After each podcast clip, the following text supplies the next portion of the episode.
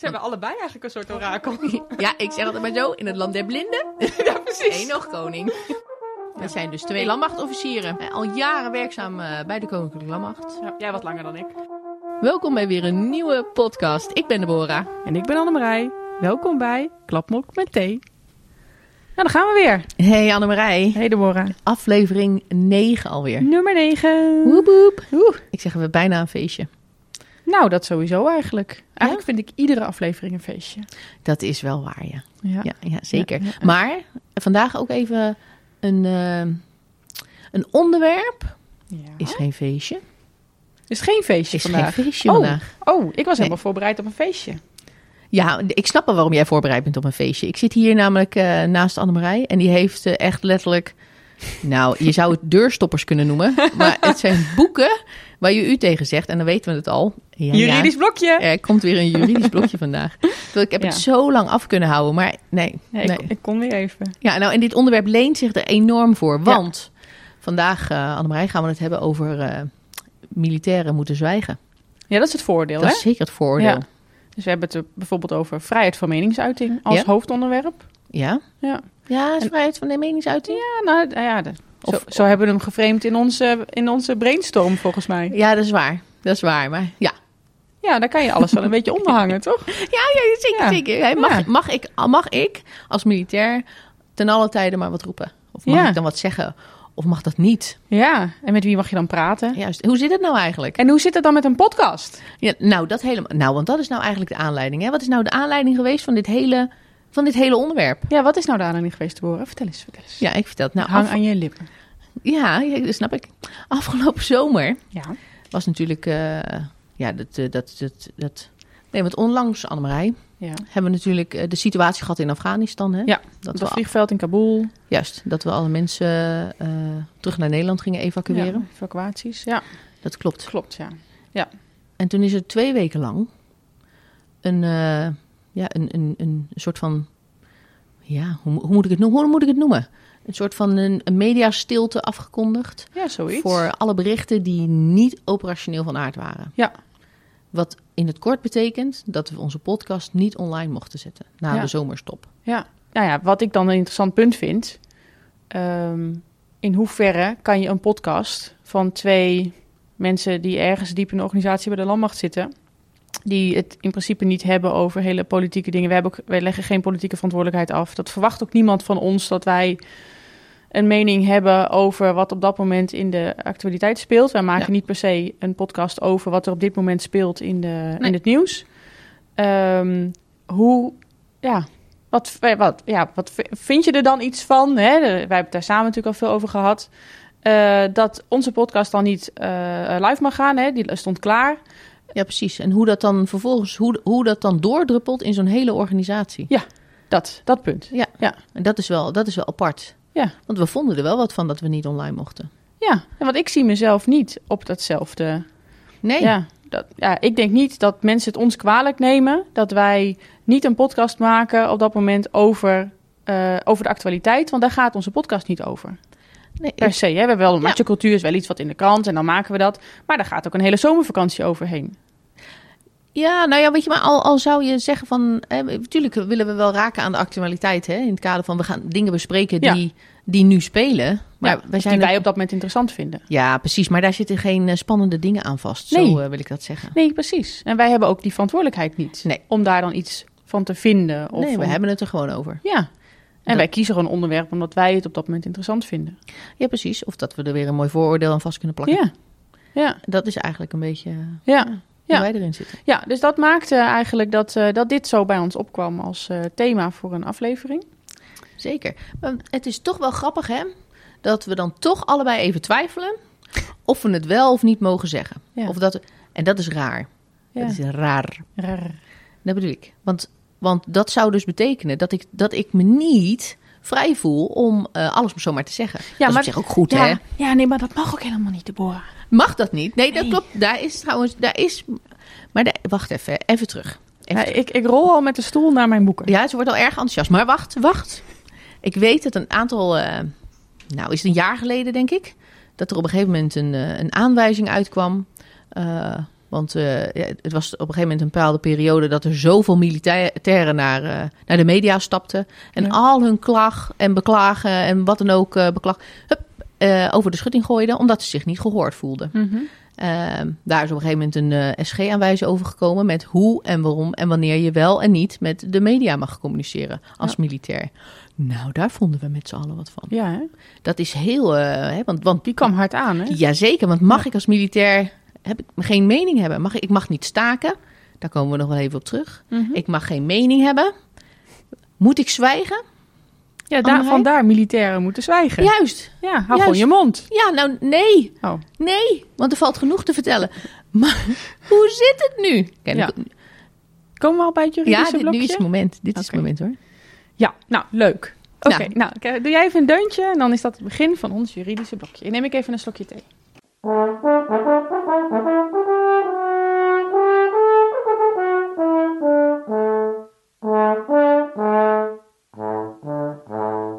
hoe zit het? Ja, vertel eens. Nou, militairen hebben sowieso een bijzondere rechtspositie. Oh, Want wij zijn natuurlijk eh, gewoon sowieso heel bijzonder. uiteraard. Ja, maar wat ons met name heel bijzonder maakt, ehm, zijn dat een aantal dingen, grondrechten die iedereen heeft, die zijn bij ons uitgezonderd. Oh, je houdt het wel luchtig hè? Nee. En begrijpbaar. nee, juridisch, juridisch. Ja. Nee, maar waar het eigenlijk mee begint, Ja. is dat wij geen arbeidscontract hebben, Nee. maar we hebben een aanstelling. Oh. Dus je hoeft niks te tekenen als je bij Defensie gaat werken. Het is niet zo dat jij op een soort gelijkwaardige basis een contract aangaat met jouw werkgever, maar wij worden aangesteld. En wat betekent dat dan? Nou, dat het eigenlijk ehm, eh, puur vanuit die, onze werkgever, vanuit het ministerie, die, die legt gewoon aan jou op. Jij behoort nu bij het eh, personeel van, eh, van deze organisatie. Oké. Nou, en daar zitten nog wat extra dingetjes aan vast. Maar dat maakt ook eh, door die positie van defensiepersoneel, ehm, ja, dat geeft ons ook ehm, ja, ma- dat wij bepaalde uitzonderingen hebben. Dus het, jij noemde Ja. net al het stakingsverbod. We mogen Ja. niet staken. Ja. We hebben er nog een paar. Oh, ja, er wordt gebladerd in dat dikke boek. Nou, ja, ik eh, had allemaal plakketjes en zo. uiteraard post-its. Ze zijn er gewoon hoor. Oh ja, we hebben een hele mooie. En Ja. dat is de vrijheid van, me- eh, vrijheid van meningsuiting, vereniging, vergadering en betoging. En daar staat in, ja, over hè, die Ja, uitspraak. ja, ja. Eh, de militair ambtenaar dient zich te onthouden van het openbaren van gedachten of gevoelens, dan wel de uitoefening van het recht tot vereniging, tot vergadering en tot betoging, indien door de uitoefening van deze rechten de goede vervulling van zijn functie of de goede functionering van de openbare dienst, voor zover deze in verband staat met zijn functievervulling, niet in redelijkheid zou zijn verzekerd. Ah, heerlijk. Ja, en ik denk alleen maar, wat? Ja. wat? Ja. En in het kort, wat houdt het dus in? Dat jij dus niet zomaar alles mag zeggen wat jij, eh, wat jij wil. En eigenlijk hij wordt heel mooi uitgelegd in onze nieuwe ehm, aanwijzing externe contacten Rijksambtenaren. Ja. Dat is een vaststellingsregeling. Die is in de plaats gekomen van die SG-aanwijzing die jij net zoveel gedoe noemde, over was. Waar zoveel gedoe over was. Er is nu een rijksbrede aanwijzing. Oh, En daar wordt hij eigenlijk wel eh, mooi uitgelegd. Hè? Want er staat ook, er wordt ook een, een relatie gelegd met je functie. Nou, ja precies, want dat, hoorde ik. Ja. Ja, precies. Oké, even de goede erbij pakken. Hoe verder het beleidsterrein van de ambtenaar verwijderd ligt van het beleidsterrein waarover hij zich heeft uitgelaten, hoe minder snel kan worden aangenomen dat de normen zijn overschreden. Dus dat je eigenlijk te ver gaat in wat je roept. Dus eigenlijk als wij dingen roepen over dingen waar wij helemaal niets van af weten, Ja, ja, ja, ja, precies, Kijk, precies. ja, dan heb je de minste kans dat ons iets wordt aangewreven, zeg maar. Maar als je, stel jij zou over CVI van alles gaan roepen Ja, en zo. ja, ja. Ja, Ja, mensen, is dit nou een afkorting? Mensen weten toch helemaal niet wat CVI is? ja weet ik niet. CVI is ook echt een vreselijke afkorting.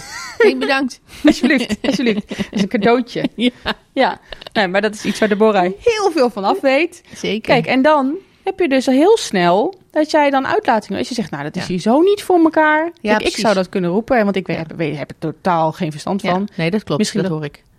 Hoezo? Het is niet voor elkaar. Ja, nee, ik zeg maar wat. Dit is een voorbeeld, hè? Oh, oh voorbeeld. Ja. Ehm, en eh, je gaat daarmee naar de media. Ja. En je zoekt eh, de. eh, nou ja, je gaat actief op zoek naar allemaal Kamerleden. Hè. Dat zijn een beetje de, vooral de Ja. twee: hè, de media Ja. en de politiek. ja.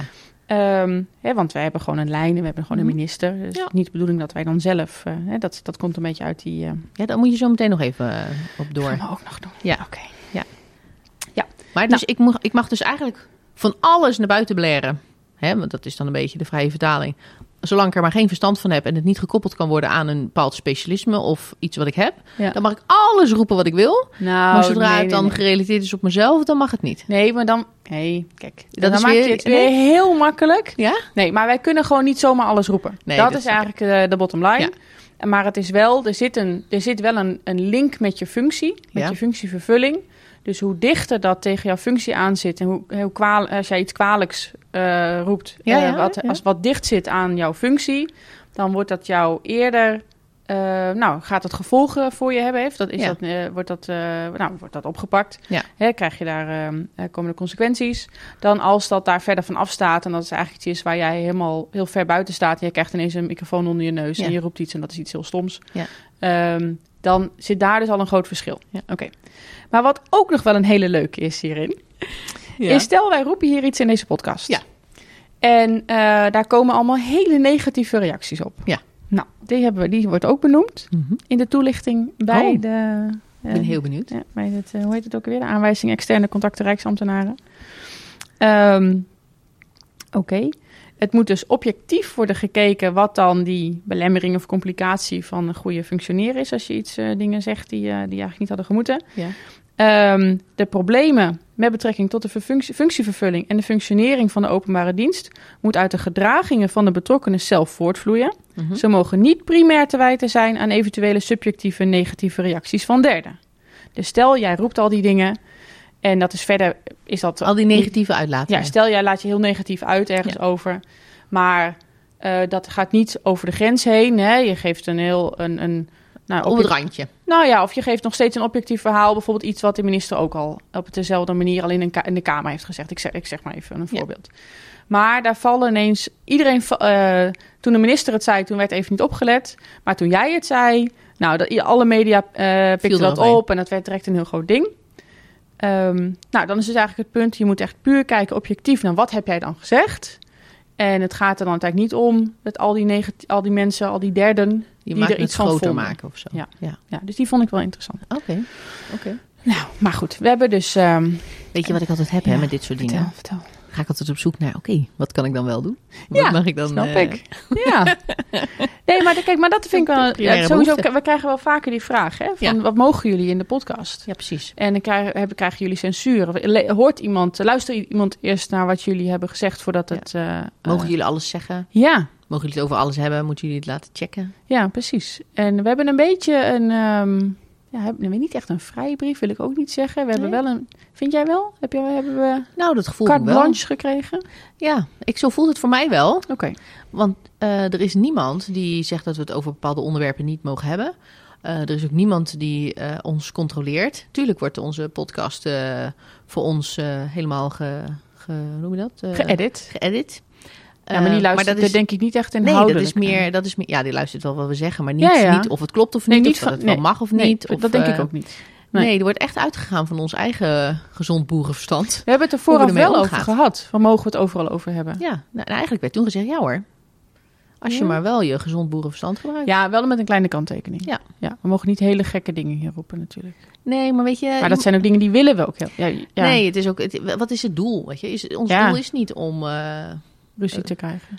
ruzie te krijgen. We gaan ruzie zoeken via de podcast. Ja. Nee, nee, Nee. nee, nee, nee. We willen gewoon dingen bespreken. We willen gewoon over dingen hebben. Het is toch ook niet in ons, in ons voordeel om heel negatief ergens over uit te laten of zo. Of onze mening. eh natuurlijk Ja. geven we onze mening Nee, zoals die precies. is. Ja. Maar ik vind het wel belangrijk dat als we onze mening geven, dat we de voor's en de tegens bekijken. Ja. Dat we alle aspecten meenemen. Nou ja, inderdaad. dat is inderdaad. belangrijk. En Ja. ik denk, zolang we dat doen, Genuanceerd. juist, is er niks aan de hand.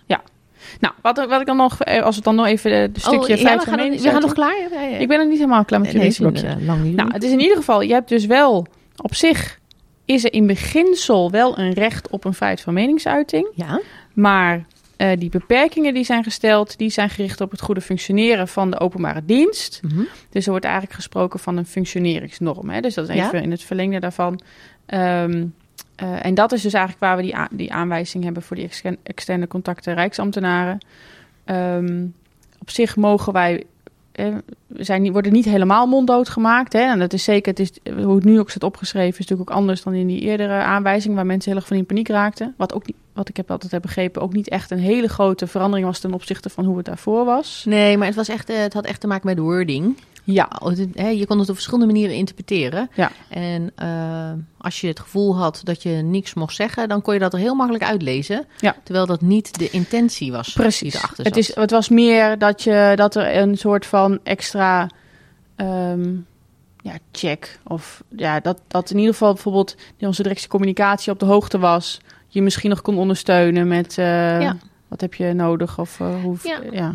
vertel je je verhaal. Of, Ja, en zat, maar zat daar ook niet een beetje in dat, ehm, dat, dat we zeg maar de minister hebben die, eh, die ons zeg maar politiek gezien Mhm. verantwoording aflegt.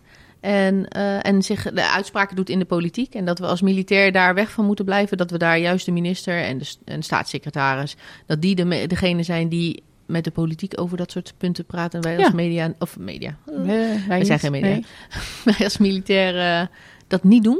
Was dat, niet, zat dat, was dat ook niet een beetje de, het Ja. idee erachter? Ja, ja, volgens mij ook. Dat ieder Ja. op zijn niveau Ja, eh, met precies. de partner moet praten, zeg maar. Ja, ja. Als ik het zo Inderdaad, dat denk ik ook, ja. Ja, hè? Precies. Nou, oké. Ja. Eh, nou, dan heb je nog een paar dingen waarin wij eh, bijzonder zijn. ja, ja. Ehm, nou, ik pak even een paar interessant hoor. Mhm. Zeker, zeker. Ehm, Oh ja, dit is ook een leuke. Onderzoek aan lichaam, kleding en goederen. Oh, Ja, wist je dat? Nou, ik, ik weet niet waar het heen gaat. Nou, de militair ambtenaar is verplicht zich tijdens het verblijf in een gebouw, luchtvaartuig of voertuig, Ja. alsmede op een vaartuig of een terrein dat in gebruik is bij of ten behoeve van de krijgsmacht, Ja, of eh, dat de militair ambtenaar tot verblijf of gebruik dient bij de vervulling van zijn taak in internationaal verband, Ja. te onderwerpen aan en in het belang van de dienst door het bevoegd gezag gelast onderzoek aan zijn lichaam of zijn kleding of van zijn daar aanwezige goederen. dus, eh, dus, eh, Dus het doorzoeken van alleen- Ja, bijvoorbeeld. ja, dus ik mag, eh, ik, hè, mij wordt natuurlijk al een bepaalde beperking opgelegd met, met mijn uiten. Ja. En, en daar komt bij dat ik me dus ook. Oh, dat is, een, dat is natuurlijk anders dan wat er in de. In, in de nou, als burger. Of als in de Ja, burgermaatschappij. dan moet daar een, bijvoorbeeld een redelijk vermoeden van schuld voordat eh jou zomaar iets kan Ja. worden. En nu mag je Of, gewoon. of op politie heeft een, be- een bepaalde speciale bevoegdheid waar Ja. toestemming voor is gegeven. Ja. Hè, dus daar zijn allemaal regels voor. Ja, Ehm, maar eh, bij ons, we hebben, we hebben van die tassencontrole of autocontrole. Als je de poort uitrijdt, dat doen ze wel eens. Oh, Weet je wel? Dan kijken ze of je geen stukken bij je hebt die niet eh, van het trein af mogen. Ja, precies. Nou ja, nu je dit zo zegt, dit is, dit is denk ik op, op grond waarvan... Ik heb ooit bij, eh, bij een operationele eenheid gezeten. Klinkt alsof ik dat heel lang geleden niet Ja. heb gedaan, maar dat is niet veel, valt reus mee. Ja. Ooit bij een eenheid gezeten. En toen was er ja, sprake van vermoedelijk drugsgebruik. En toen had ik ook een hele discussie met de, de wijkagent, zoals we die noemen. Ja, hè, ja. Een beetje de, de vaste de, wijk, politieman de op wijkwachtmeester Juist, op, op, op een kazerne. de Marseillais. Ja. Ja. En eh, nou, die mochten eigenlijk niets zonder, eh, zonder dat er aanwijsbare. eh, ja, dit zijn dan van die termen. Ja. Zo'n aanwijsbaar iets was waardoor, eh, waardoor zij mochten zoeken of wat dan ook. Ja. Maar ik, als commandant van die eenheid, mocht dat wel. Dus, Ja, precies. eh, op, Ja. Maar dat zal op basis van deze, Ja, dat dit dat. artikel geweest zijn. Ja. Hè, dan kun je dus inderdaad met behulp van een douanehond of wat dan ook... kun je dus eh, laten snuffelen Mhm. op de kamers... om te kijken of er inderdaad drugs gebruikt wordt... Wat dus gewoon niet mag Ja. en kan. Ehm, en dat heb ik toen gedaan. Nou, wat goed. Ja, maar dat was toen op basis van dit Dat artikel. klopt. Dat klopt. Ja. Oké. Nou, we hebben reisbeperkingen. Ja. Je mag niet zomaar naar ieder land op vakantie. Oh. Wist je dat? Ja. Nou, ik zeg wel oh, maar eigenlijk weet Dat ik dat wist je wel, hè? Ja, Ja. maar het, het klinkt heel zwaar, maar dat valt wel mee. Toch? Ehm, ja, nou, het zijn wel landen waar je niet zomaar voor de lol... waar je niet met, eh, met eh, de, de- Ja, je, moet, je moet wel een avonturier zijn als je naar dat soort landen Ja. op vakantie wil gaan. En dat kan natuurlijk. Je hebt er geen kras bejaarde groepsreis die dan die... Kras bejaarde groepsreis. Je bedoelt zo'n Rijnreisje van Ja, eh die- de zonnebloem. Ja, die, die, dat zijn landen waar je dat niet hebt. Nee. Die worden niet aangeboden. Nee, dat is waar. Ze staan niet in de culturele bijlage van NSC. maar het leuke is ook, waarom is dat? Dat militairen, op welk niveau ook te werk gesteld, Oeh. dragen kennis van de wijze van optreden van de krijgsmacht en van procedures van wapens en wapensystemen. Ja, ja. En dat neem je dan mee en dan ben je dus een risico. Hè? Want dan ben je interessant voor zo'n land. Dus dan is het, eh, is het niet zo. Dan moet je eerst toestemming voordat je erheen mag. Ja, klopt ja. Ja. ja. Ja, dat maar zit er niet dus van de directie communicatie, hè? Nee, nee, nee, nee, nee. Nee, maar dat zijn wel allemaal, dat maakt onze rechtspositie bijzonder. Ik haal er nu dus een Ja, paar uit. zeggen, je trekt het gelijk wat breder. Ja, ja, maar dat is interessant. Het is een juridisch blokje. Ja, Ik neem gewoon deze echt, nee, maar ik krijg je nu eindelijk, te veel tijd. nee, maar ik krijg nu eindelijk deze kans. en dan ga ik hem gebruiken ook. Hoe ver zijn we? Al 20 Ah, minuten. We 20 zijn al minuten. 20 Heerlijk. minuten aan het Nee, ik ben helemaal blij hoor. Nee, niet dingen. zemelen. Ik ben helemaal blij. Oh. Ik wil er nog één dingetje zeggen. Sorry, ik ga even plassen. ja, mensen, ga even thee drinken bijvoorbeeld. Ehm, ik ben heel even op pauze. Ja, ik heb nog, nog twee dingen die ik wil zeggen. Nog twee dan. Ik heb nog een leuk eh, voorbeeld van dat, eh, die feit van meningsuiting en hoe dat ingeperkt is. Dus Ja. daar wil ik wat over zeggen. Maar ook nog even ehm, waarom het nou eigenlijk is. Waarom hebben militairen nou die uitzonderingspositie? En ehm, hè, hebben we nou geen, eh, mogen we niet staken? En hebben we allemaal die bijzonderheden? Ja, precies. Ehm, en dat, dat zit hem in de vereiste voortdurende operationele gereedheid van de krijgsmacht. Ja, Nou, wij moeten eigenlijk altijd klaarstaan. wij zijn er altijd van. Ja, we zijn een soort. ehm, ja, ik heb het ook wel eens. Ik heb, ja, ik heb een mooi. Ik heb echt. Ik heb hier boeken, joh. Echt. Ik word hier helemaal gelukkig van. Echt, er zat een duim tussen de bladzijden van een voorbeeld. Die duim is nu weer verdwenen. Ja, want- Dat wordt zometeen Ja. weer een half Nee, uur op zoek naar dat nee. voorbeeld. Nee, nee, nee. Nee, want wij zijn een ehm, verlengstuk van de staat. Ja, verlengstuk van de staat. Zo stond het er. Vind ik mooi. Vind ik heel mooi ook omschreven. Heerlijk. Echt. Ik Er Helemaal... zit iemand hier in de nopjes, dat wil je niet weten hoor. Ja. Die mooi al die taal. En ik denk alleen maar, eh, wat? Ja. Nee, maar goed. Eh, nee, Ja. maar dat, dat zit daar dus achter. Dus dat wilde ik nog even benoemen. Ja. En ik had dan van die vrijheid van meningsuiting... daar stond ook nog een heel mooi voorbeeldje in. Ja. Er was een... eh, bij, bij een ander ministerie overigens... was een hoge ambtenaar... en die plaatste een bericht op Twitter... over... ehm, ehm, ja, dat ISIS en dan dat hij dan niks met de islam te maken had. En het was een vooropgezet plan van een andere groepering om dan eh, om bewust islam zwart te maken Ja. enzovoort. Ehm, daar kwam allemaal media-aandacht op. Ehm, ja. En eh, dat is voorgelegd aan de commissie. Ja. En die oordeelde onder meer dat Twitter geen geschikt medium is voor een eh, politiek en maatschappelijk gevoelige boodschap. Hè, het is een beperkt aantal tekens, laat onvoldoende ruimte voor nuance. Ja. En het werd eigenlijk als plichtsverzuim aangemerkt dat de ambtenaar bij het uiten van die mening over ISIS onvoldoende zorgvuldigheid had betracht bij de keuze van het medium en de wijze waarop. Hè, er werd een hele beladen term ook gebruikt, eh, waarin die, waarop dan Ja, ja. mening was geuit. Ehm, maar dan ontslag was in dit geval dan te zwaar en het werd uiteindelijk werd er geadviseerd tot een schriftelijke berisping. Hè, want het gaat natuurlijk ook om hè, wat, wat doe je er dan mee als organisatie. ja, precies. Ehm, en eh, hoe ernstig is iets? En daar wordt dus ook, en ik noemde al dat, dat er een, een verband ook is met de functie. En het wordt, hoe, het wordt je steeds zwaarder aangerekend naarmate je, ja, wat voor functie je hebt, hè, als Ja. het dichter bij Ja. je functie ligt. Dus hoe, hoe hoger je in de boom zit, Ja. ja. hoe, waarschijnlijk ook, hè, dat, hangt er, dan denk ik ook al snel Maar worden we daar, dit vind ik wel interessant, want Ja. worden we daarmee niet dus voorzichtiger naarmate we Nou ja. dus hoger in de boom zitten? Ja, ja dat, dat, dat, dat zou best heel goed kunnen. Als jij eh, met- heel veel bij heel veel dossiers iets eh, te zeggen hebt, Ja. een bepaalde positie hebt waarbij jij, nou ja, dat is denk ik ook hoe hoog je in de boom zit, hoe, met hoe, hoe meer dingen, bij hoe meer dingen je betrokken bent. Ja, ja, precies. Nou, dus dan, wat is er dan niet gerelateerd aan je functie? Ja, dat was klopt. een functioneringsnorm, heb ik Ja. net gezegd. Ja. ja. Ja, maar ja, is het dan een stukje bewustzijn eh, over eh, hè, van hé, hey, ik ben betrokken bij heel veel dingen, ik weet heel veel, ik mag daar niet te veel over uitweiden, ik zeg niks? Of is dat hoe, laat ik het niet zeggen, want dadelijk zeg ik iets verkeerds of dadelijk zeg ik iets wat niet mag? En dat is toch ook spannend? Ja, Ja. nee, ik snap dat wel. Kijk, maar kijk, ik denk Ja. wel als jij zelf kiest om iets op Twitter te zetten of op Ja. Facebook of LinkedIn of wat dan ook, dat, hè, dat doe je rustig terwijl je op de bank zit. Of, nou, Ja. Verzin het maar. Mhm. En daar kan je best heel goed over nadenken hoe je dan genuanceerd een bepaalde boodschap brengt. Ja, En daar kan je dan denk ik ook, als je gewoon een weldenkend mens kan, ook heel goed nadenken over consequenties en hoe hard je iets zegt. En als Ja. jij bepaalde bevolkingsgroepen daarbij eh, iets toedicht wat Ja. niet, eh, niet helemaal, eh, nou ja, wat niet de algemene mening is, zeg maar. Ja. Dan dat je weet dat dat niet handig is en dat dat gewoon niet, dat dat consequenties heeft. Ja. Maar als jij, maar even, even nog aan die consequenties, hè? Ja. Want wat zijn nu de consequenties? Wat als ik nu gewoon naar de media toe ga en ik zeg ik heb een verhaal of ik wil iets zeggen? Of vaak is het wel een- natuurlijk omdat ik, omdat ik iets kwijt wil wat ik Mhm. niet kwijt kan in de organisatie. Hè? Dat is vaak een achterliggend gevoel wat mensen hebben. ja, Ehm, soms willen mensen ook gewoon iets meegeven, iets meebrengen of wat dan ook. eh, en doen dat op eigen doft. Ja. Ehm, wat Ja. is dan een consequentie? nou ja, ehm, ja, heel leuk. Ja, nou kan ik weer terug naar die aanwijzing externe contacten Rijksambtenaren. Ja, dit hebben we niet afgestemd, mensen. Want dit wist ik namelijk ook niet. Want ik had natuurlijk Nee. dit even opgezocht. En Oké, want dit dit is een relatief nieuwe regeling eh, uit 2020. En eh, nou, wij zaten natuurlijk in een opleiding, dus Ja. dan heb je helemaal geen tijd om dit soort dingen allemaal bij te houden. Dan doe je allemaal andere dingen. We hebben dit Ja, niet jij. gehad in onze opleiding. Nee. Nee, precies. Wel Dus ik heb vooral die oude. En de, hoe, Ja, hoe die daar- te interpreteren. Daar hebben we het over gehad, maar niet over deze nieuwe. Dus ik heb me er even in verdiept.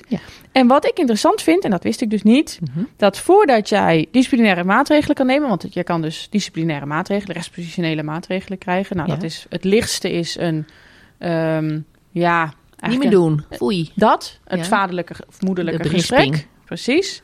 Dat kan eh, overgaan. Dat kan bijvoorbeeld een ambtsbericht zijn. Dan is het al een formeel stuk wat in je dossier en dat telt dan zoveel jaar. Kan dat meetellen voor, eh, nou bijvoorbeeld bij een bevordering en bij een, nieuwe functie. Het kan dan dingen. tegengehouden worden omdat je Ja. een negatief ambtsbericht Precies. Of als je dan nog een keer iets stouts doet, dan weegt dat dus ook mee. Ja, Ehm, en het kan zelfs zo ver gaan als ontslag. Stel dat iets heel vergaand is. oké. Ja, dus nou, dat soort dingen. Maar voordat jij Ja, ja. Ehm, als baasje, hè, als chef, eh, eh, die maatregelen kan nemen, moet je advies inwinnen bij een adviescommissie. En dat wist ik niet. We hebben een adviescommissie, of die is er, adviescommissie Grondrechten en Functieuitoefening Ambtenaren, de AGVA. Ja, het staat er. Ja, nee, maar dat wist ik niet. nee, Nee. ik ook niet. Ik heb misschien ooit wel eens eh, over gehoord, maar dat is dan weer Maar dan moet, moet jij als jurist daar eh, eh, advies in winnen? Of moet ik daar eerst advies in winnen? Of is dat, is dat puur... want gaat die dat dan voor me uitzoeken? Is dat gewoon een clubje juristen die iets gaan uitzoeken? Nou, de, commandant, de, de werkgever, hè, Ja. dus dat is de commandant, die vraagt dus, hè, die heeft dan zo'n casus, die heeft een zaak waarin hij Ja. iets wil doen. En die gaat dus een advies aanvragen. En dan gaan ze daarnaar kijken. Ja. Dus puur als het over dit soort eh, een onderwerp gaat van ehm, dat hele vrij, vrijheid van meningsuiting, Ja, ja, ja, van ja. je uiten. Ja? En, ehm, ja, mag, ik me, ja. mag ik me ongestraft uiten in de media? Dat is eigenlijk een beetje de vraag. Ja. Nou, dat mag dus niet. Dus interessant, daar is dus een hele adviescommissie voor. En dat wist ik eigenlijk ook niet. Nee. nee. Dus eh, weer wat geleerd. Nou, jeetje. Leuk, ja, ik vind het echt superleuk. Maar wij gaan. eh, ja, ja, ik ben helemaal enthousiast. Maar we zitten nu ook eh, in Den Haag, hè, de podcast. We zitten niet in Amersfoort voor de verandering. We zijn Nee. eh, weer in Den Haag. Ja. Eh, want wij gaan even met iemand praten zo. Jazeker. Wij gaan... eh, Kijk, het, het is een beetje een, een, eh, een, een snel bruggetje. Ja, sorry. uiteindelijk- Jij wilde een mooi bruggetje maken, of Ja, niet? maar Sorry. maar dat geeft niet hoor. Nee, dit is al verklapt. We zitten in Den Haag en we gaan met iemand praten. Dat klopt. Nee, want wat namelijk heel leuk is in al die communicatie... Ja. is eh, dat er heel veel communicatie plaatsvindt binnen Defensie... waarvan Mhm. wij dat ook eigenlijk niet wisten. Ja. Ehm, eh, maar we hebben, dus, we hebben dus iemand gevonden... Mhm. die heel dicht bij... ja, op, die eigenlijk op het plus zit, hè? Waar we Ja, het keer zeker. al Die- hadden in het oude deel van in het eh, oude deel van kleine het eh. Ja, precies. We mogen weer naar het plus. Ja. En eh, daar zit onze generaal. Onze generaal. on- onze generaal, ja, het is een landmachtgeneraal. Onze generaal eh, Nicole de Wolf. Ja. En zij is ja, persoonlijk adviseur van de SG. Ja, Annemarij, we hebben het natuurlijk net eventjes gehad over hè, alles, alles wat wij, als militairen nu wel en niet ja, in de media mogen roepen. Of eh, hè, waar dan ook of wat dan ook. Maar eh, ja, er zijn ook heel veel vragen en heel veel eh, dingen die mensen willen weten vanuit, ja, vanuit de burgermaatschappij. Hè, de burgers, maar ook de, de Kamerleden, hè, de Kamerbrieven. Ik heb zelfs gehoord dat we burgerbrieven hebben. Maar hoe dat nou precies zit en, en, en wat daar nou in hemelsnaam de meerwaarde van is, daar ben ik wel eigenlijk heel erg benieuwd naar. En gelukkig zitten we, dan, zitten we dan weer hier in Den Haag. Op het plusje, zoals we dat dan zeiden. Ehm, maar dit keer zitten we bij eh, generaal De Wolf. Goedemiddag, generaal. Eh, goedemiddag. Eh, nou ja, zeg in ieder geval maar Nicole. Dat maakt het voor het gesprek denk ik wat makkelijker. En welkom inderdaad op het Plus. Nu zitten jullie ook nog in het A-gebouw. En Ja, voor precies. degenen die daar geen beeld bij hebben... daar hebben we ook gewoon echt Plus. Ja. Dus nou ja, ik zou zeggen, geniet er even van. Ja, ja, ja, ja dit, we moeten hier niet de gewente aanraken, hè, Annemarij? Ik weet nu wel dat degene die onze edits doet, die begint alweer te klagen over, oh, er was zoveel echo. maar dat komt omdat het plafond hier ongeveer vijf meter hoog is. Dus eh, ja. Ja. maar leuk. Ehm, ja, nee, we zitten dus inderdaad ehm, bij, eh, dus bij Nicole de Wolf, eh, de, de landmachtgeneraal, enige landmachtgeneraal op dit moment. Eh, Sorry, enige. ja, de enige die ertoe doet, dus eigenlijk. de enige vrouwelijke landmachtgeneraal. Heerlijk, ja. Dus de meest essentiële op dit moment. Ons grote eh, voorbeeld. Ehm, wat doe je hier nou precies? Hoe, wat, wat voor functie heb je hier en eh, wat houdt het ongeveer in? Nou, de functie heet dat ik projectdirecteur bestuursondersteuning en advies ben. Uh, en voor degenen die wat ouder zijn of al langer meelopen, dat is een functie die lijkt op wat vroeger heette bureau SG. En wat ik doe is eigenlijk zorgen dat de politieke leiding en de ambtelijke leiding van ons departement of ons ministerie, dat zij hun werk kunnen doen. En dan moet je je voorstellen dat dat bestaat wat mij betreft uit drie elementen. Eén is de hele directe ondersteuning. Dan moet je denken aan de chauffeur, dan moet je denken aan uh, de kamerheer, dan moet je denken aan het secretariaat. De tweede poot is de advisering, dus de inhoudelijke ondersteuning. Daarvoor heeft bijvoorbeeld een minister en een staatssecretaris een politiek assistent. Die worden door mij in dienst genomen binnen de directie. Uh, dat doen ze in principe voor de termijn dat de bewindspersoon zit. En dan gaan ze weer eventueel wat anders doen. En daarnaast hebben wij binnen mijn directie directe bestuursondersteuners. En dat betekent dat ze ambtelijk ondersteund worden. En dat zijn uh, of een overste of een uh, burgermedewerker die inhoudelijk zorgt dat de minister antwoord krijgt op zijn vragen, dat de inhoudelijke stukken op de juiste manier aan hem worden voorgelegd, zodat hij besluiten kan nemen. Um, en die zorgt dat dat in goede banen komt. En die zijn zeg maar de soort verbinding tussen de bewindspersoon of de ambtelijke top en de inhoudelijke dossierhouders, bijvoorbeeld bij de directie uh, beleid uh, of binnen het CDS-huis of bij de hoofddirectie Financiën uh, of nou ja, wherever in de organisatie degene zit die met verstand van zaken dat besluit heeft voorbereid. En als we dan over de politieke top hebben, dat is de minister en eventueel de staatssecretaris, als we die op dat moment hebben. En, en de, de, ambtelijke, top? top? is de secretaris-generaal en de plaatsvervangend secretaris-generaal. Ja. ja. En de derde poot, uh, en dat is misschien uh, eentje die aansluit uh, bij het onderwerp waar we het over gaan hebben, is dat ik de externe communicatie doe. En niet vanuit de directie communicatie, maar het gaat erom, dat zijn de brieven naar de Kamer. Dus de vaste Kamercommissie van Defensie. Binnen mijn directie zit de aansluiting daarop. Dus alle Kamervragen komen vanuit de Griffie bij ons binnen. Die worden door mijn bureau Stukkenstroom uitgezet. Antwoorden komen terug, zijn, worden geaccordeerd door of uh, de ambtelijke top en daarna de minister. En sturen wij ook weer terug naar de Eerste of de Tweede Kamer, afhankelijk waar de vragen vandaan komen. Alle Kamerbrieven gaan er via ons uit. En als bijvoorbeeld, nou, jouw vader, je oom of een nichtje denkt: ik zal eens even, ik heb een vraag aan de minister van Defensie, of ik heb een vraag over de krijgsmacht, dan komen die brieven ook bij mij binnen. En die worden ook door mensen van mijn directie uh, behandeld en van advies uh, voorzien. En daarvoor heb ik ook algemene adviseurs. Die zitten dus niet direct vast aan een bewindspersoon of aan de ambtelijke top. Maar die zijn meer dossiergericht ingericht. Dus ik heb iemand die doet personeel. Ik heb iemand die doet veiligheid. Ik heb iemand die doet materieel. Ik heb iemand die doet vastgoed. Ik heb iemand die doet internationaal, NAVO, EU. Uh, en een aantal van deze mensen doen ook burgerbrieven. En die leveren dus, uh, zeg maar, zetten die uh, brieven uit voor advies of voor een antwoord. En dan gaan ze uiteindelijk of door mij ondertekend worden of door de bewindspersoon. Ja. Ja, heel interessant. Maar waar ik wel heel erg nieuwsgierig naar ben, zo'n zo burgerbrief. Ja. Wat zijn nou vragen van burgers? Wat krijgen we nu? Ik heb er een aantal uh, verzameld. Oh, heel dus, leuk. daar wil ik wel even ehm, iets over roepen. Vaak gaat het bij, zijn het veteranen. Ja? krijgen we best wel veel brieven over. En dan, nou, ik zal een stukje voorlezen.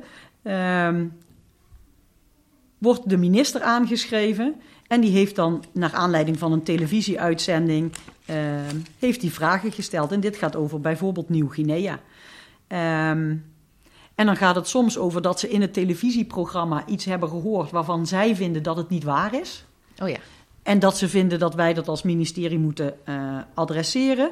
Hè, Bijvoorbeeld in dit geval, ik vond het bijzonder storend en jammerlijk te moeten ervaren dat de veteraan die voor ons vaderland op uitzending naar ons voormalig Nederlands Nieuw-Guinea is gezonden, totaal geen aandacht heeft gekregen of zelfs maar vermeld is voor het zware en gevaarlijke werk in bizarre, zware tropische klimatologische omstandigheden en in de benauwde jungle door hen is verricht.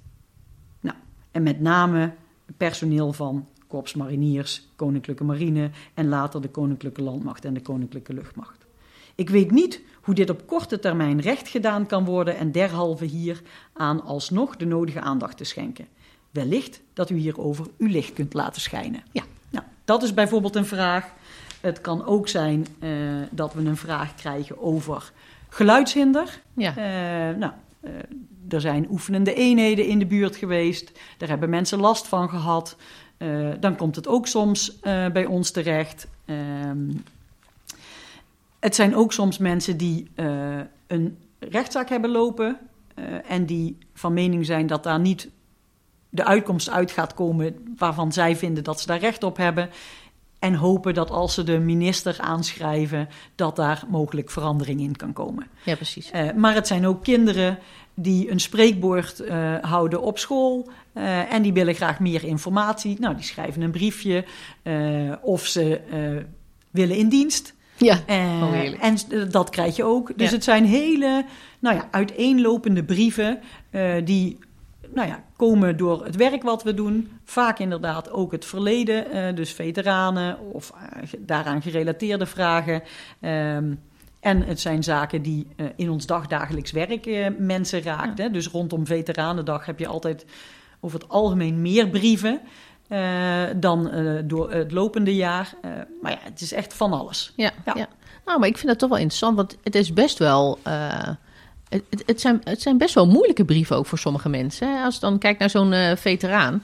Als hij natuurlijk uh, ja, zich niet gehoord voelt. Of hij uh, voelt dat er onrecht aangedaan is. Ja. Want hoe gaan we daar dan mee om? Hè? Komt er dan zo'n standaard ambtelijke brief. Hè, wat je natuurlijk wel eens verwacht vanuit, vanuit de overheden. Ehm, of hoe gaan, hoe gaan we daarmee om? Wat voor aandacht geven we dat soort brieven? het gebeurt allebei. Ja. Dus uh, er zijn soms uh, vragen bij die ook gewoon door de afdeling rechtspositie moeten worden afgedaan. Zeker als het een zaak is. Ja, precies. Uh, ja, die juristen natuurlijk weer. ja, ik snap ja. van jou dat die vraag komt. dat is niet zozeer aan juristen gelegen. Maar wat je in dat soort gevallen natuurlijk, waar je wel heel voorzichtig ja. moet zijn, is dat je in je taalgebruik geen ruimte laat voor interpretatieverschillen. Ja. Uh, met datgene wat in de zaak loopt. En soms kun je daar dan ook helemaal niets over zeggen. En dat klinkt uh, over het algemeen niet prettig. Eén, om het op te schrijven, maar over het algemeen ook niet uh, om het te ontvangen. Nee. maar dat kan soms niet anders. Nee. He, dus dan wordt er ook soms echt wel gewoon gezegd van... nou, we hebben uw brief ontvangen. Gezien het feit dat er nog een zaak loopt op dit dossier... kunnen we helaas verder geen informatie verstrekken op dit onderwerp. Ja, precies. Dan, maar dan dient het een functie uh, ja. waarom je gewoon zorgvuldig ja. moet zijn en niet uh, in de weg wil gaan ja. zitten. En je ziet ook wel een verandering. Hè, door uh, met name de toeslagenaffaire is er veel meer aandacht binnen de Rijksoverheid voor wat, we de, wat ze dan noemen de menselijke maat. Oh dus geven we in onze contacten met uh, de buitenwereld voldoende aandacht aan wie zij zijn, en waarom ze schrijven. Want iemand heeft wel de moeite genomen ja, om te gaan zitten en een brief te schrijven of een brief te typen. Uh, of in ieder geval, nou, heeft daar tijd in gestoken. En dan is het op zijn minst respectvol om in ieder geval die tijd te waarderen. Ja. Los van het feit of we er wat mee kunnen of het eens zijn met de inhoud van de brief. Uh, en dat is wel een wijziging. Ja. Dus ik probeer ook wel zelf te kijken met mijn mensen van hoe kun je mogelijk het ambtelijke antwoord net even anders opschrijven, ja. zodat de andere kant absoluut het idee krijgt, wat ook zo is, dat de brief goed gelezen is ja. uh, en dat we aandacht hebben voor hetgeen degene die schrijft uh, adresseert. Maar iedereen krijgt dus een antwoord? Iedereen krijgt een antwoord. Dat is ook een verplichting. Als, de, als je de Rijksoverheid aanschrijft, heb je recht op een antwoord. Dus wat er gebeurt is, allereerst krijgen ze een bevestigingsbriefje. We hebben uw brief ontvangen. Ehm, soms is dat ook meteen, eh, zit er ook meteen het antwoord in op hun brief, want dan is het vrij gemakkelijk. Maar zeker als het eh, rechtspositionele vragen zijn of vragen die gewoon even wat meer aandacht eh, behoeven, ehm, dan krijgen ze eerst een briefje van, nou, we hebben uw eh, brief ontvangen eh, en we zijn nu bezig met de inhoudelijke beantwoording en u krijgt eh, nou, ja, zo snel mogelijk het definitieve antwoord. Dus dat gebeurt in een heel enkel geval, en dat noemen we veelschrijvers. Ehm proberen we ook wel op enig moment de correspondentie te beëindigen. Of reageren we niet meer, maar dat hebben we ze dan wel verteld. Ja. En dus het, er zijn ook mensen die schrijven elke week. En op enig moment, eh, als het op hetzelfde onderwerp is, dan zeggen we, joh, wij gaan niet verder, eh, niet nader tot elkaar komen. Eh, ik waardeer uw mening, maar hier houdt onze conversatie op. Ja, Deborah wil graag iets vragen, maar ik had er, ook nog- ik had er nog eentje. En Je Ja. zei net, ehm, eh, die aanpassing, ook na de toeslagenaffaire, eh, om daar toch eh, ook op een andere manier misschien naar te kijken. Was die verplichting er altijd al om sowieso altijd te antwoorden? Maar dat, dus het gaat, die wijziging is met name de inhoud van de reactie die er komt. Zie Ja. ik dat goed? Ja, om toch te kijken naar eh, hoe, hoe vertellen we dat nou mensen? Wilde je dat ook vragen? Nu weet je het niet meer zeker. Dat krijg je dan. Hè? Dan wil Ja. je denken, oh ja, ja, Ja. En dan moet er toch nog even een juridisch eh, punt gemaakt worden. Even, gaat het nu hierom of gaat het nu daarom? Nee, dat is, eh, dat is heel goed. Maar waarom is het, is het zo belangrijk voor ons eh, om, om die brieven te beantwoorden? Is het, hè, is het überhaupt voor ons belangrijk? Kunnen we er iets mee? Kunnen we er iets mee zeggen als eh, defensie? Eh, of is het puur een verplichting? Nou, ik zou het niet willen zien als puur een verplichting. Ik denk wel degelijk dat het een, een ehm, manier is om met de bui eh, wat wij dan noemen buitenwereld, Ja. waar we trouwens allemaal gewoon ook lekker deel van uitmaken. Dus het is altijd een beetje kunstmatig om Ja. dat zo te zeggen. Ja, dat is ons maar, jargon. maar wij hebben natuurlijk wel altijd het idee, hoe komen we in verbinding met de maatschappij? Nou, dit. Ja. Dit is een eentje die je ook nog vrijelijk wordt aangeboden, want zij schrijven naar jou. ja, precies. Dus met, met de beantwoording eh, eh, kun je die verbinding al leggen. Dus het is ook een manier om eh, informatie te verstrekken. Dus laat ik zo zeggen, die, eh, die brieven die je krijgt, geven je gewoon automatisch de mogelijkheid om ook iets over jezelf te vertellen. Ja. Eh, of in ieder geval met de manier waarop je beantwoordt, het beeld wat er mogelijk is buiten eh, deze organisatie Ja. te beïnvloeden. Ja. En met name het loslaten van het hele ambtelijke antwoorden doet ook iets met de andere kant. Dat je aandacht hebt voor de persoon die schrijft of aandacht hebt expliciet voor het onderwerp. Ook al ga je een antwoord geven wat, wat de briefschrijver mogelijkwijs liever niet had gehoord. ja, precies. Want dat gebeurt natuurlijk ook gewoon. ja, ja. ja. We zeggen ook vaak nee. Maar Ja. dan eh, wel met aandacht voor eh, hetgeen eh, de briefschrijver bedoeld heeft of waar hij mee zit. Om dat wel in de brief duidelijk te maken. Dus ja, ik denk echt wel dat dat een, mede een manier is om de beeldvorming die buiten onze organisatie, over onze organisatie bestaat, te beïnvloeden. Ja. Ja. Ja, ik denk zo. Het is ook inderdaad eigenlijk precies, eh, precies wat je zei. Hè? Het, het contact maken met, eh, met, met, de, met de buitenwereld. Ja. ja, dat is heel mooi. Ja, ik, ik, heb, ik weet dat Deborah wilde ik doorgaan naar een volgend onderwerp, maar ik heb er toch nog eentje. Eh, nou, de burgerbrieven, nou, is super interessant. En ik denk dat we die inderdaad wel helemaal hebben geraakt nu. Maar als we dan kijken naar Kamervragen, eh, dat is iets wat je in het land hoor daar, en dat, komt, dat, dat zijpelt dan ook door bijvoorbeeld naar de staf van een kerstmagdeel. Dus je hoort daar dan wel eens wat over. En er zijn heel veel mensen die zijn daar met heel veel spoed dan heel druk mee om dingen te beantwoorden. En, ehm, en ook dat in, in Den Haag, hè, dat dat voor een groot deel het, het werk bepaalt. Eh, omdat er, vooral als er veel kamer, kamervragen binnenkomen, dan ehm, dat is veel werk om dat goed te beantwoorden. Ehm, nou, ik denk dat daar genoeg vooroordelen over leven. Maar ik ben eigenlijk wel benieuwd van, hoe werkt dat nou vanuit jouw optiek? Hè? Jij zit eigenlijk met de eerste persoon bij wie dat binnenkomt en bij wie het dus weer terugkomt om het terug te laten gaan. Ehm, is nou die hele bestuurstaf eigenlijk vooral bezig met beantwoorden van, eh, van Kamervragen? Ehm, komen daar ook actiepunten uit of gaat het vooral om het beantwoorden van de vraag?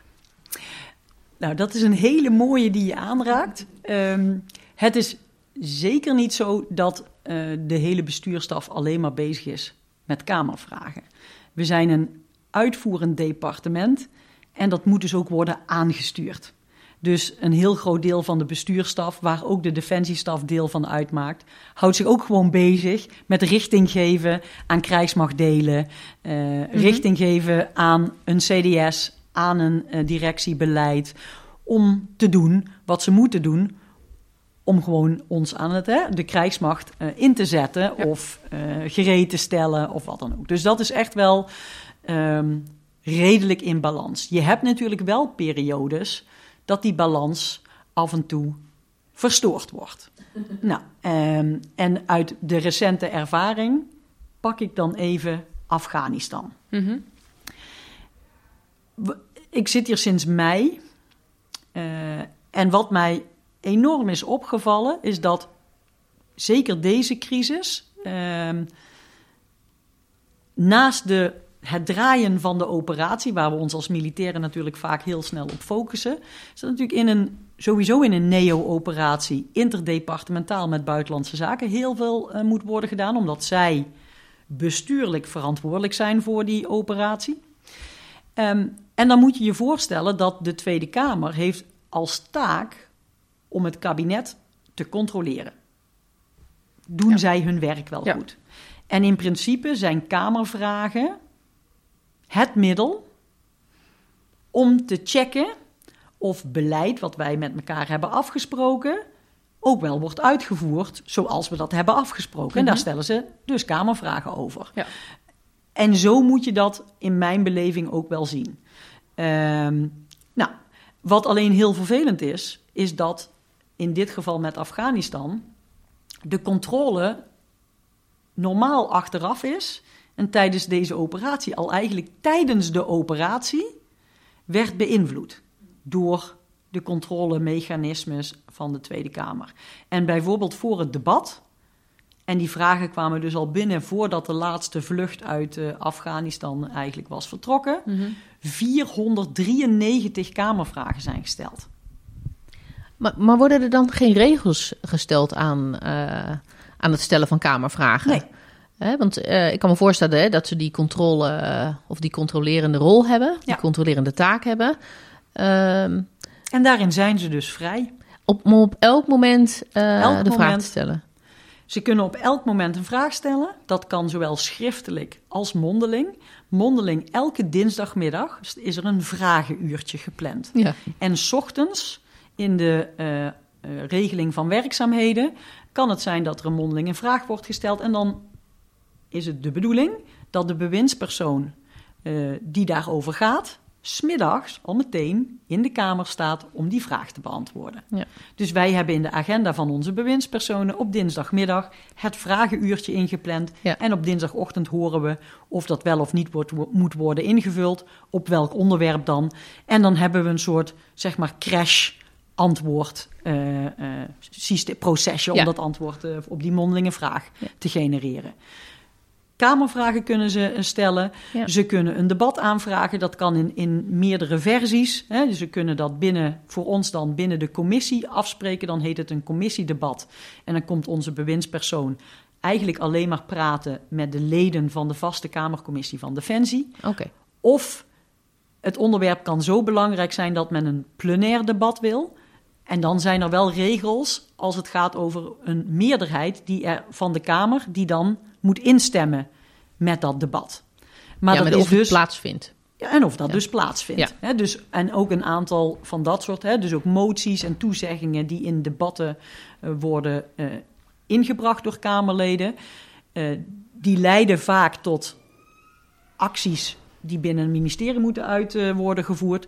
Maar dat kan alleen als de motie wordt aangenomen. En je ziet dus ook altijd als je zo'n debat volgt, heb je een eerste en een Ja. tweede termijn. In de tweede termijn komen de moties en in de tweede termijn van de bewindspersoon wordt dan vaak aangegeven wat het advies is op de motie. Ontraden, eh, oordeelkamer, eh et cetera. Nou, en als dat uiteindelijk wordt aangenomen, dan moeten wij daar wat mee. En dat is niet alleen het beantwoorden van de vraag. Nee, dat vraagt, dat vraagt om meer? Dat vraagt soms om, om meer. Want eh, soms worden er ook acties gevraagd. Dus dan kun je wel zeggen, ja, dat gaan we doen. Ja. Maar vervolgens moet je wel de, dan die inhoud richten in je organisatie en zeggen van nou, dit is een vraag die moet door de directie eh, eh, beleid worden beantwoord. Dan gaat iemand beleid antwoorden maken daarop. Maar het kan ook zijn dat het over de uitvoering gaat. Of dat nou, vervoergevaarlijke stoffen of bijvoorbeeld eh, nou ja, vragen over materieelprojecten. Dan kan dat ook leiden tot activiteiten bij de, direct, de, bij de uh, Defensie Materieelorganisatie of in een opkoop. Ja. ja. ja. Ja, nou vroegen wij ons af toen wij dit vooraf met elkaar aan het, aan het bespreken waren. Um, gaan dan die, stel dat het gaat over de uitvoering. Ja. En dat is iets waar bijvoorbeeld een, uh, nou, ik zeg een, een bataljonscommandant, uh, uh, die zit daar helemaal in. Ja, die werd van de hoed en de rand en dat is iets van wat een kwestie die daar heeft gespeeld. Ja. Um, dan is mijn aanname dat zoals het nu gaat, er zitten heel veel lagen tussen. En uiteindelijk landt er dan iets in tekst bij een minister. Klopt dat? Ja. Um, is er dan wat voor te zeggen om dan daar iets rechtstreekser van te maken? We hebben een, een, uh, nou, meestal een HDV-geschoolde commandant ergens zitten. Uh, die hebben we opgeleid met een bepaald doel. Die dichten we bepaalde kwaliteiten toe. Um, en dat je, dat je zo'n uh, persoon, zo'n functionaris, een wat rechtstreeksere ja, link laat zijn om die informatie niet over schrijven, maar wat rechtstreekser in Den Haag neer te leggen. Nou, laat ik zo zeggen, op het moment dat een Kamerlid een vraag gaat stellen die direct ingrijpt bij een bataljon, dan begin ik me ernstig zorgen te maken. Komt wel eens voor hoor, maar over het algemeen zijn het toch vragen over uh, hoe hebt u uw uh, ver, uh, vervoergevaarlijke stoffen ingeregeld. Mm -hmm. Wat er dan wel eens wil gebeuren, dat in de toezegging van ons, dus in de Kamerbrief, het antwoord van ons staat dat wij elk jaar rapporteren op de aantallen voorvallen vervoergevaarlijke stoffen. Dan moet je dat ook doen. Ja. En dat, daar denk ik dat we nog wel een slag te maken hebben, is dat dat wat we toezeggen, we ook moeten waarmaken. En daar is waar ik wel vind dat de verbinding met de uitvoerder soms beter moet, mm -hmm. is dat we aan de voorkant, als de toezegging in de brief komt te staan, wel moeten checken of die uitvoerbaar is. Precies. Ja. Dus toevallig heb ik deze over vervoergevaarlijke stoffen uh, en ongevallen. -hmm. Heb ik zelf meegelezen toen ik nog bij de landmacht zat. En toen hebben wij gezegd: jongens, dit kunnen wij niet toezeggen, want dit gaan wij niet waarmaken. Dan moeten we een hele nou ja, control tower bouwen voor uh, vervoergevaarlijke stoffen. Mm -hmm. Dat kunnen we niet. Nee. Nee. Uh, dus, dus dat zijn wel dingen die uh, beter moeten kunnen. Ja, ja. ja. oké. Okay. Um, nou, dan is denk ik leuk om door te gaan naar... Uh, nou, je, zit, je vertelde al de positie hier um, in, nou, bij de ambtelijke top en de politieke top. Um, ja, in hoeverre kan je dan als generaal de Wolf, landmachtgeneraal, hier nou, iets zeggen... of als Nicole iets zeggen... Um, en heb je die vrijheid om, uh, om je uit te spreken over uh, nou, wat jij van dingen vindt? Of een bepaalde boodschap die je vanuit de landmacht uh, hier neer wil leggen? Um, is tweeledig. Ik maak even nog het parlementaire deel af. Ja? we hebben natuurlijk net in maart Kamerverkiezingen gehad, een nieuwe, nieuwe Kamer. En we hebben een introductieprogramma gemaakt voor de vaste Kamercommissie van okay. Defensie. Daaraan voorafgaande liep de discussie over wat ik als ambtenaar wel of niet naar politici mag doen. Nou, ook in dat kader hebben we daar iets in aangepast. Namelijk toen de Vaste Kamercommissie hier kwam, hebben we gezegd: jongens, als jullie vragen hebben, waarbij je even één op één met een, met een militair of een ambtenaar van het ministerie wil praten die daarop zit, mm -hmm. dan zijn er drie manieren hoe je dat kunt doen. Je kunt de politiek assistent uh, van de minister of de staatssecretaris bellen. Dat, zijn, uh, dat is persoon 1 en 2. Of je kunt uh, de generaal de Wolf bellen. dus wij hebben gezegd, hè, dus, een soort parlementair contactpersoon. Ja. om ervoor te zorgen dat als het alleen maar een ambtelijke vraag is, gewoon ik wil even weten hoe iets zit. Mm -hmm. Dat je niet die hele procesgang van Ja. kamervragen en, en hele moeilijke eh, dingen eh, Ja. en tijdrovende eh, procesjes doorloopt, maar gewoon even rechtstreeks, joh, ik wil even weten wat zijn nou de afmetingen van de Scania Griffis. En dat ik roep, nou, hier is het telefoonnummer van. Zie ik je morgen nog een keer, die weet dat, die kan jou dat exact vertellen. Ja. En dan bel ik even met die persoon, zeg, joh, je wordt zo meteen gebeld door Kamerlid XIZ, die heeft deze vragen. Zorg ervoor dat hij de juiste feitelijke antwoorden krijgt. Ja. Nou, dus dat is al een wijziging, Ja. hè, eh, waarbij we zeggen, die er gemaakt is om te zeggen van, joh, eh, we moeten ook niet zo spastisch doen over contact met, met Kamerleden. Ja. Ja, want Ja. Er zijn, we hebben natuurlijk heel veel mensen in onze organisatie, ook als ze niet in Den Haag zitten, Ja. die prima kunnen uitleggen hoe hun werk in elkaar zit. En, eh, Ja. Dat klopt. Ja. En ehm, dat, eh, laat ik zo zeggen, jullie vroegen kan je dan je mening geven? Ehm, ja, dat, dat kan.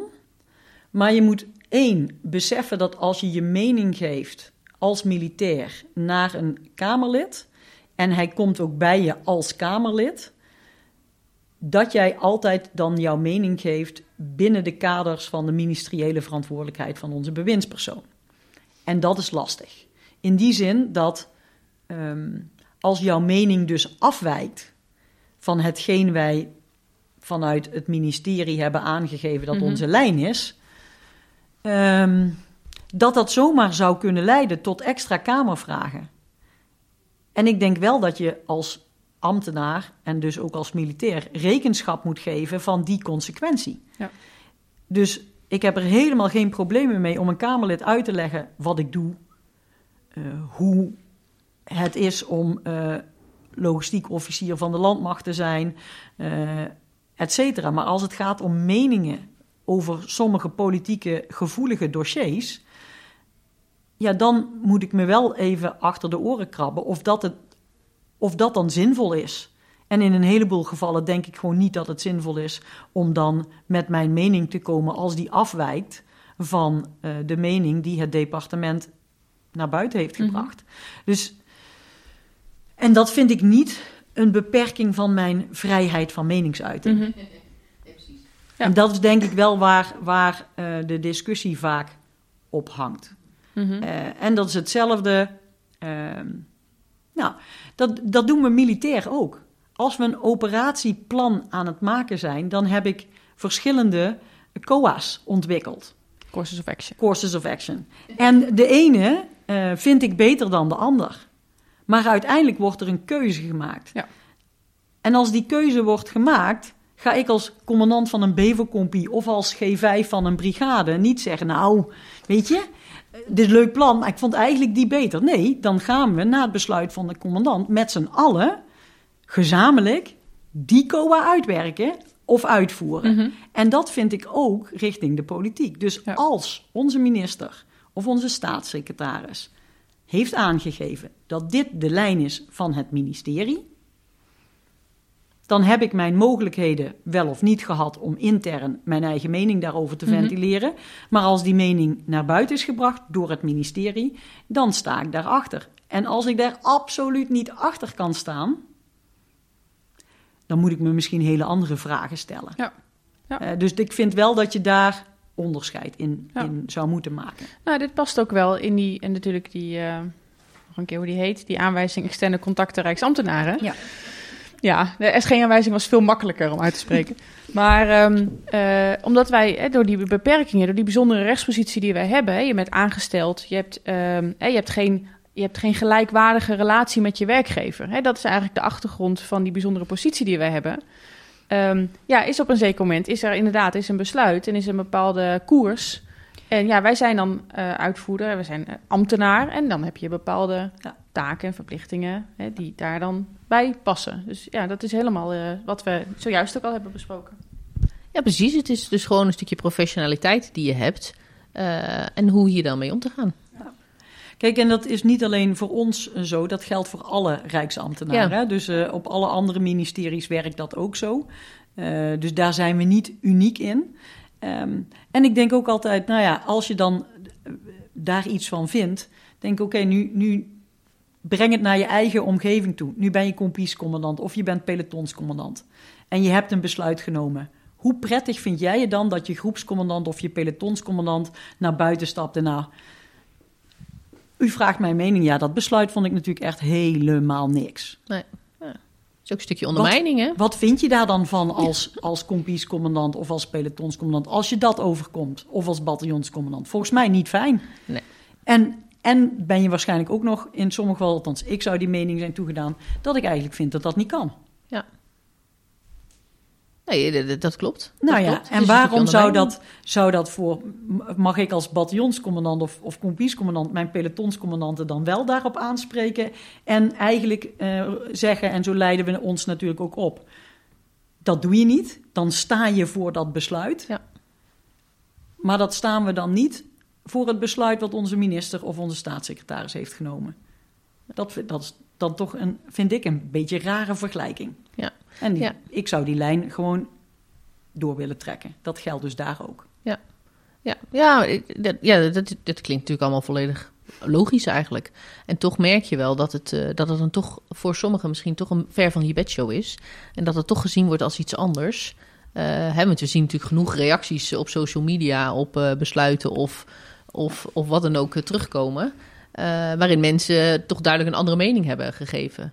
Maar ik, ik, ik, ik deel je mening. Als je zegt, luister, als dit de lijn is, dan eh, gaan we Ja. daarin verder. En dan, ja, Maar ook daar, hè, kijk, je we zijn een hele maken. grote organisatie. ja, En eh, wij zijn als militairen gewend om ook te denken in hiërarchische structuren. Ja.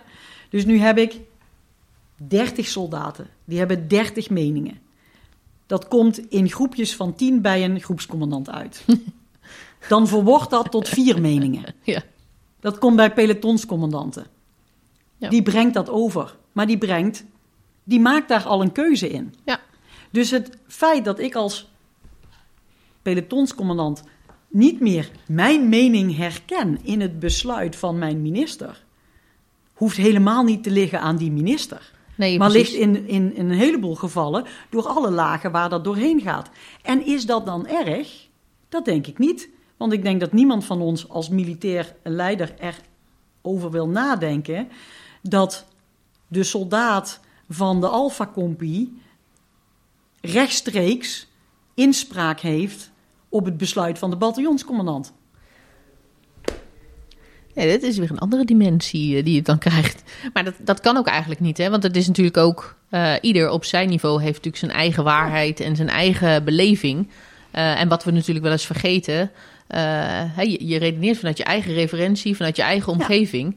Eh, maar uiteindelijk als het besluit wordt genomen... of ja, dat wordt op zo'n hoog niveau gedaan... Ja, wat daar allemaal speelt en welke dynamieken er zijn... en welke timings daar misschien wel zijn... eh ja, die kunnen dat. misschien wel eens heel anders zijn. En ik zou, eh, als je, eh, als je daar toch iets van wil vinden, denk ik dat dat nog steeds mag. Maar dan zou je in je beantwoording dat moeten betrekken op jezelf. Ja, Hè, dus er is een besluit genomen. Dan kun je natuurlijk best uitleggen wat dat besluit voor jou betekent. ja, ja. Want dat is, dat, daar kun jij alleen maar iets van vinden. Ja, en, dat, en, en dan, nou ja, dat zou ik altijd eh, vinden dat iemand mag vertellen. Ja. Eh, maar dat betekent nog niet dat het besluit per se ter discussie moet staan. Nee, precies. Het is meer hoe jij jezelf herkent of... ja. er zijn geen ziet. consequentieloze eh, besluiten of keuzes. Dus dat het bij de ene helft van, onze, van, van de mensen goed valt en bij de andere helft niet, of in een andere verhouding. Ik denk dat dat met elk besluit zo is. Ja. Ja. Maar goed, dat, dat heb je ook thuis. Denk ik dan. Nou ja. Ja. precies. Dat is ook zo. Dat is ook zo. Ehm, nou, ik, eh, ik denk dat we zo eh, alweer een heleboel eh, te weten zijn gekomen. En ook een stukje bewustwording hebben meegekregen, zo stiekem tussen de regels door. Over ja, hoe ga je nou om met je eigen mening in zo'n in, in, een, ja, in een bestuurlijke omgeving. Of eigenlijk in, in de hele organisatie als militair.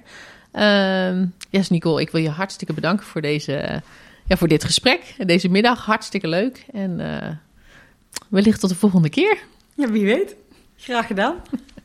Nou, we zijn weer even teruggelopen naar het, eh, het verbouwde deel van het Plein Kalvermarktcomplex. Ja, zeker. Ziet er van binnen heel modern uit. Zeer modern. We Ja. zitten nu in een lege eetzaal. Dus En, even eh, setting the scene dit. Ja, even setting the scene. En eh, neem even onze luisteraars mee en, Ja. eh, waar we nu zitten. Ja. En ehm, Zo kom je nog eens ergens. nou, dat sowieso. ja, ik vind het wel leuk. Ja, jij komt natuurlijk dagelijks in Den Haag. En voor mij is het gewoon een uitje. Nee, nee, thuiswerken tenzij. Dat is waar. Nee, je hebt helemaal gelijk. Jij komt hier natuurlijk ook niet zo vaak. Maar jij hebt Nee. hier wel formeel een werkplek. Zeker. En, ehm, en wat ik ook wel leuk vond, is dat, nou dat was natuurlijk net niet in de opname, want we hebben bewust, zijn we iets later begonnen met het opnemen net. Ehm, omdat er nog eventjes wat dingetjes, eh, nou, eh, de generaal zat nog even op hete code. Ja. En ehm, nou, dus dan heb je ineens de SG, die zo, eh, hè, en de politiek adviseur, die even zijn hoofd eh, aan de hoek van de deur steekt. En de minister. Die minister die even een fijn weekend komt wensen. Het is toch een andere belevenis. Ja, ik vond het wel leuk. Ja, het is heel leuk. Eh, ja, leuk. Gaan we weer Dat mag niet meer, hè? Te vaak. Te vaak Ja, we leuk, hebben leuk. commentaar gekregen dat we het vaak leuk zeggen. Wij vinden gewoon heel veel dingen leuk. Ja. Dus ja, de, deal er maar mee. Nee, wij gaan proberen iets meer vari- variatie in te brengen in eh, wat wij, welke woorden we gebruiken. Maar we, hadden, we kwamen ook nog op een leuk voorbeeld met hoe wij deze podcast zijn begonnen met die, ehm het hele vrijheid van meningsuiting. En hoe ver kan je dan gaan? We hebben het natuurlijk net, eh, net met Nicole ook nog uitgebreid besproken. Ja. Ehm, en toen kwamen we nog op een heel leuk voorbeeld. Of nou, leuk. Ja, dat is ook helemaal niet leuk Nee, het eigenlijk. is helemaal niet leuk, maar het is echt een perfect voorbeeld Ja, nou, van maar. wat er gebeurt. Ja, Nou ja, we hebben allemaal gezien hoe, eh, hoe Mona Keizer ontslagen werd ja. hè, in, eh, vanuit, vanuit het kabinet. Precies. Kijk, je kan, tuurlijk kun je een eigen mening hebben, maar als je met z'n allen afspreekt om... eh, Iets op een bepaalde manier te gaan doen. Ja, precies. Eh, ja, dan moet je daarvoor gaan. Ja. En eh, ja, dat zegt ons militairen natuurlijk ook van alles wel. Hè? Zo werkt het bij ons ook. Ja. En hoe lastig dat soms is. Maar hè, je hebt in het voortraject je een mening kunnen geven, je hebt mee kunnen denken en uiteindelijk heb je een plan gemaakt. En dan kom je samen tot iets wat het gaat Ja, worden. Of, of de baas, die komt tot iets wat het gaat worden. En dat is het dan natuurlijk wel gewoon. Ja, ja. Ja, Want dat vind ik natuurlijk alle geloofwaardigheid op het moment Ja. dat, dat, dat iedereen dan maar wat anders gaat roepen. precies. Dat, dat schiet niet op. Ja, dit is trouwens nog wel een andere hele leuke. Dat had ik jou nog niet eens verteld. Nou ja, een nieuwtje. Ja. Oh. Nou, we hebben een, ehm, een hele leuke adjudant bij de werk, waar ik nu werk. Wat Waar leuk. Ja, echt, dat is echt eh, gewoon de beste adjudant van de landmacht. Nee, van de nee. NAVO. Nee, van de nee, Na-. Oh, nee, is die van jou Die natuurlijk. Ja, sorry, die is Ja, ja, thuis. Nee, ja, dit is gewoon... Ja, nee. ja, Oké, nou nummer twee dan, nummer twee. Nou, oké, oké. En die kwam met allemaal ideeën voor podcastafleveringen. Oh ja? Ja, gewoon proactief, hè, uit Oh. zichzelf. Nou ja, wat leuk. En één daarvan is dat het in Nederland ook best wel een ding is... Ja. dat als dan eh, de commandant een besluit neemt... Ja, of bijvoorbeeld een COA kiest, een Ja, course of action... een manier van optreden... ja, ja. dat dat de startpunt is voor de discussie. Ja, En dat dat helemaal niet is. nee, Dat dan iedereen die kant op gaat, nee. per Kun je, se. kun je nog onze opleiding eh, herinneren? Dat we daar zo'n eh, Duitse instructeur hadden. Die daar ook een mening over had. Ja, nou, dat is het precies. Dat was mijn tweede punt hierin. Het zijn met name Duitse collega's... Ja. die hier altijd heel erg... Nou, moeite mee hebben. moeite mee hebben dat wij dan toch, oké, nou, dan hebben we het ergens over gehad. En dan, oké, dan wordt dit het. En dat we het dan heel fijn vinden om dan toch daar nog even over te hebben. Maar toch een tikkie links, tikkie rechts, zus en zo. Ja. Doe jij Ja. dat? Doe jij dat? Of hou jij je gelijk aan het genomen besluit? Jij kent mij toch, of niet? Ja. Nou ja, ik ben natuurlijk wel van de structuur en de regels. En we hebben iets afgesproken en dat is het dan. Ja. Dus in beginsel Ja. eh, ben ik daar wel, ben ik wel van die school. Ja. en jij? Nee, ik moet altijd even bij mezelf eh, even pas op het plaats. Maar ik moet even landen. Het moet even landen. Het besluit is genomen. Het besluit is genomen, Deborah. En nu is het klaar. Ja. En want ik vind dan ook nog dit. Of ik wil ook nog dat. Of, Ja. En ik weet, ik weet dat het niet hoort. En toch is mijn primaire reactie... Maar ik heb ook nog. Ja. Of denken we ook aan. En denk ik, nee. Nee, moet je niet meer doen. Ja. Wordt niet van jou verwacht. Ja, precies. Dus Ja. ik moet daar altijd wel even bij stilstaan, zeg Ja. maar. Ja. Ja, dus dat is toch iets wat op een of andere manier wel, wel in ons als Nederlandse militair. Ja. Ik ga het maar even heel erg eh, algemeen maken. Ja. Maar eh, wat, er, eh, wat er toch bij, bij veel mensen wel in zit. En wat dus ook opvalt, met name, we werken natuurlijk heel veel samen met Duitse collega's. En dit is wel een punt wat iedere keer weer voorbij Ja. komt. Van ja, dat doen jullie de hele tijd. Ja, nou het lijkt me heel goed om, eh, om eens een aflevering te maken over eh, de cultuurverschillen met onze samenwerkingspartners of Ja, zo. wat Kunnen we dit allemaal over bespreken? Heerlijk. Gaan we ook uitnodigen. Ja, nou. Olly, je komt in de podcast. Ja, precies. Maar even, eh, voordat we nu al doordraven en eh volgens hup een nieuwe aflevering maken. Ja. Annemarij, ik, Ja. Ik denk dat we deze gewoon Wat ga je even nou moeten- zeggen? Nou, ik dacht, zal ik nou gelijk dag zeggen? Doei. Of eh, zal ik er nog een, eh, zal ik er Oh, nog iets een moois. moraal eh, van maken van deze Ja. aflevering? Militair Of moet van- zwijgen hadden we wel als voordeel. Juist, de militair moet zwijgen. Nou, de militair hoeft helemaal niet te De zwijgen. militair moet dienen. oh, oh, oh, oh. Wat, wat een passie ineens. Wat een passie, wat een passie ineens. Dat is weer een ander verhaal, maar daar Ja. komen we ook nog later op terug. Nee, de militair moet zwijgen. Ik denk, nee, de militair hoeft niet te zwijgen. Maar op het moment dat je ervoor kiest om eh, in de media te gaan of eh, wat dan ook, dan moet je dus nadenken eh, Of, wat met, je zegt. of met de politiek. of met de politiek wil praten, dan moet je dus nadenken over tegen wie zeg je wat en wat wil je daarmee bereiken. Ja. Dat is het aller- allerbelangrijkste. Wees je bewust van je positie, wees je bewust van je rol en, eh, ja, en acteer daarnaar. Nou, wat heb je dat weer mooi samengevat. Nou hè, echt, ik ik, vind het geweldig. ik voel een traantje weg. Ja, ik zie hem ook. Ja. Nee, maar ik vind hem echt. Nee, maar ik meen het ook serieus. Nee, dat, Dat- zeg je heel maar goed. zo hoort dat. Ja. En ehm, dit is wel een onderwerp wat nog een paar afleveringen terug gaat komen. Die, dit, dit bouwen we nog wat verder uit. Ja, ja. ja. ja. ja, we gaan het even wat. eh, we gaan eens even kijken hoe. eh, ja, wie we nog voor de microfoon kunnen krijgen. En we hebben best wel wat ideeën die ehm, voortvloeien uit dit onderwerp. Dus. Oh, ik ben weer te veel aan het kletsen. Ben je nou weer, ga je nou weer, we zijn aan het afronden. Je begint Ja. gewoon weer een nieuw gesprek. Nee, helemaal niet. Nee, Oh. dat is onderdeel van de afronding. Dat mensen weten dat het onderwerp nog niet is afgelopen. Nee, De aflevering wel, Ja. het onderwerp niet. dat is goed. Nou, bedankt voor deze korte toevoeging. Korte toevoeging. Ja, gemeen. Ja, we gingen ja, toch uit eten, gezellig. Ja, we gaan uit eten. Tot de volgende keer. Tot de volgende keer.